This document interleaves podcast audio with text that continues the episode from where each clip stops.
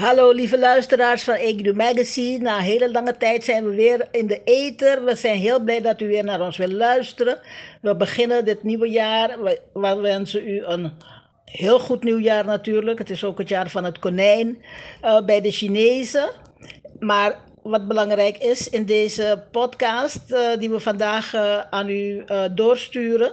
Dat is namelijk het interview van Lisbeth Perotti en Iwan Bravo op ABC Actueel van 27 januari in verband met een organistenconcert van een Nederlandse organiste.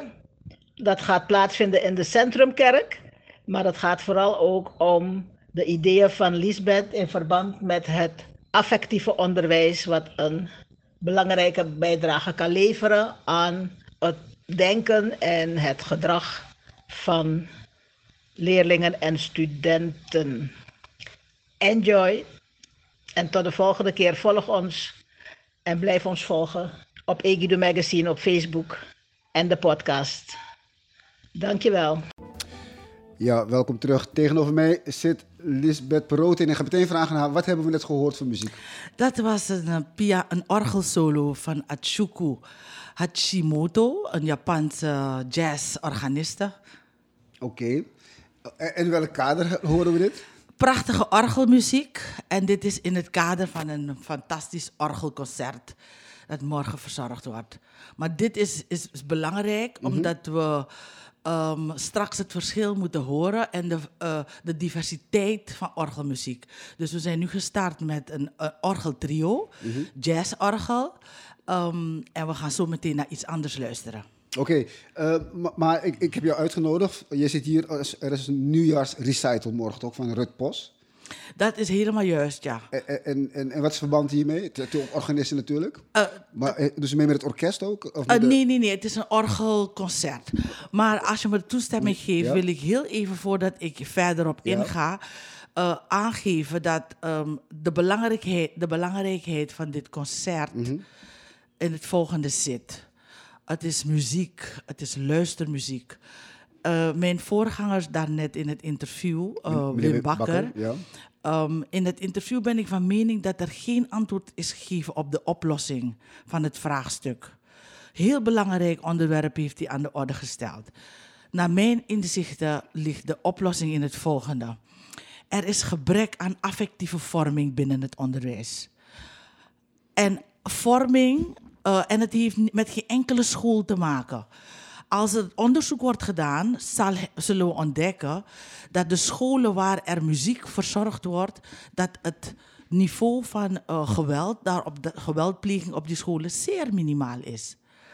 Geweld en wangedrag uh, zit op scholen waar er onvoldoende of sterker nog geen affectieve vorming in het onderwijsprogramma zit.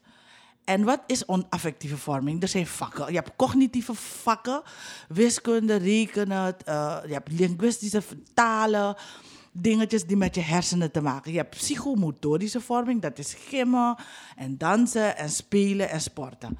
Maar affectieve vorming zit voornamelijk het sterkst in kunst, muziek, kunstonderwijs. En dat is muziekvorming, dat op veel scholen op het rooster staat, maar niet wordt verzorgd tijdens de, um, tijdens de pandemie is het zeker uit het rooster gehaald. Daarna zeker ook weer uit het rooster gehaald, omdat de belangrijkheid van taal en rekenen is aangegeven. Maar affectieve vorming is essentieel voor een volledige vorming van, van kinderen, van mensen, van volwassenen ook, van, ja. ook van volwassenen. Dus wanneer we probleemgedrag identificeren, dan zit de wortel, dan zit de oorzaak in gebrek aan affectieve vorming. En daar moet de focus op zijn. Ja, en wat is, uh, wat, wat is het effect van muziek op je affectievermogen? Ja, dus muziek is, uh, dat is wetenschappelijk uh, getoond, dat het het sterkste middel is om gedrag te beïnvloeden. Het heeft een bepaalde werking op je psyche, op je hersenen. Er worden verschillende stoffen extra geproduceerd. Maar muziek leert je uh, zaken als leren houden van jezelf, stil zijn, ehm, waardering leren ontwikkelen voor anderen, voor jezelf. Ehm, er zijn verschillende aspecten, trots zijn, zelfvertrouwen. Maar die muziek kan je ook gebruiken, destructief gebruiken. Want er zijn ook teksten die je oproepen tot geweld en kwaad. Maar nogmaals, de, de, muziek is het sterkste middel om gedrag te beïnvloeden. En dat um, aan muziek zijn er verschillende gerelateerde vakken. Want muziektheater, danstheater, uh, musicals. Dat zijn aspecten die erin voorkomen. Dus je zegt je kan werken aan onderwijsvernieuwing door alleen methodes, hè, doorstromen van mensen. Maar als je dat stukje verwaarloost. Dan blijft het probleem. En als je ook op, optelt dat wellicht ook op vele scholen uh, uh, lichamelijke oefening ook, ook, van de, ook van de agenda is. En alles bij elkaar betekent dat we, de, dat we jongeren alleen nog maar laten leren, maar niet laten werken aan hun. Absoluut. En wat er gebeurt is dus inderdaad, het is, uh, kijk, sporten doen de kinderen nog wel. Ze rennen thuis en voetballen, weet je. En dat zie je in alle klassen. Sociale, alle sociale klassen, van laag tot de hoge, midden en hoge klassen. Sporten ze. Als het niet op school gebeurt, is het na school. Maar um, toonkunst, dat is inderdaad eigenlijk alleen bij de middenklasse en hoge klasse. Eigenlijk alleen de zij die het kunnen betalen, zetten hun kinderen op muzieklessen buitenschool, dus informeel onderwijs. Gaan op dans, gaan op ballet, zitten in een musical. Dat is wat er gebeurt. Maar die andere klassen, die ouders hebben de middelen niet om dat te doen buitenschool. Ja. En daarom is het een verplicht vak, hoort het een verplicht vak te zijn binnen het onderwijs. En nogmaals, het zou een verplicht moeten zijn. Ja. Uh, uh, in het basisonderwijs staat het op het rooster. En wat doen de jufs? Ze zingen een liedje. That's all. Terwijl het vak niet is een liedje zingen. Het zijn analyses maken van, van muziek, van dans, van drama. Uh, onderwerp. Ja, maar dat ze echt een, een muziekleraar nodig moeten hebben. Zo. Maar die zijn, die zijn opgeleid. Dat is een conservatorium. Het conservatorium. En dan heb ik niet zeer over muziekleraar of een conservatorium. Maar ik kan me van vroeger herinneren dat je echt een een, een muziekmeester had of een muziekjuffrouw. En dan ging het echt alleen maar Dat hebben sommige scholen ook nog steeds. Er zijn scholen, helaas veel te weinig scholen, die echt een muziekdocent, juf hebben op de basisschool.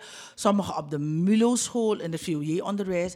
En uh, in het middelbaar onderwijs. In het middelbaar onderwijs is het bijvoorbeeld een keuzevak. Maar op het basisonderwijs staat het op het rooster, maar het wordt niet verzorgd. Maar als ik dus naar jou luister, dus kan je stellen eigenlijk uh, dat, dat geweld, niet het alles verklaart natuurlijk, maar uh, een belangrijk deel komt dus door geestelijke ledigheid. Als ik het zo mag uitdrukken dan. Um, ja, het is meer dan geestelijke ledigheid. Geestelijke ledigheid is een, is een onderdeel van, van jouw psyche, van jouw denkvermogen, van jouw zijn. Nee, maar kan het zo zijn als kinderen niet leren creatief te zijn? Dat ze dan daardoor eh, zich vervallen in... Absoluut, absoluut. Maar dat is logisch. Niet alleen kinderen, volwassenen zelf die niet creatief zijn. Er zijn nog heel veel volwassenen die niet creatief zijn. En dat merk je ook op alle niveaus. In politiek en buiten politiek. En dan denk je, je vraag je af, oh, uh, je ziet soms ook wel het verschil hoor, in politici die muziek doen. Die, aan muziek, uh, die met muziek bezig zijn. Maar het heeft effect op de vorming, op het zijn, op het handelen van de individu. Maar hoe ga je hiervoor hard maken dan? Dus, daarom hebben we morgen onder andere in uh, de Centrumkerk mm aan het Kerkplein een orgelconcert. Ja. En het orgelconcert is een familieconcert. Het is niet voor een bepaalde groep. Het is een, uh, uh, iedereen moet er naartoe. En waarom? Er zijn kinderen die op keyboardlessen zitten en op pianolessen zitten. En of die van muziek houden of op harmoniumlessen zitten. Het is een een instrument. Um, en je krijgt, als je er naartoe komt, kinderen en ouderen, krijg je een uurtje, een repertoire aan fantastische muziek. Uh, verschillende muziek, klassieke, maar ook volksmuziek. Je zal er versteld van staan dat er een heel bekend Surinaams volkslied gespeeld wordt op het orgel. Maar ook uh, een, een, stuk uit een musical wordt er gespeeld. Iedereen is van harte welkom. Een mhm. vrijwillige bijdrage wordt gevraagd. En vooral ouders, neem uw kinderen mee. En als u na drie stukken denkt, oh mijn kind is, uh, vindt het al genoeg, dan mag u ook gewoon de kerk verlaten. Maar het is een fantastisch concert, verzorgd door uh, Rut Pos, Ja. die op vakantie is in Suriname en uh, bereid is geweest om uh, morgen een fantastisch concert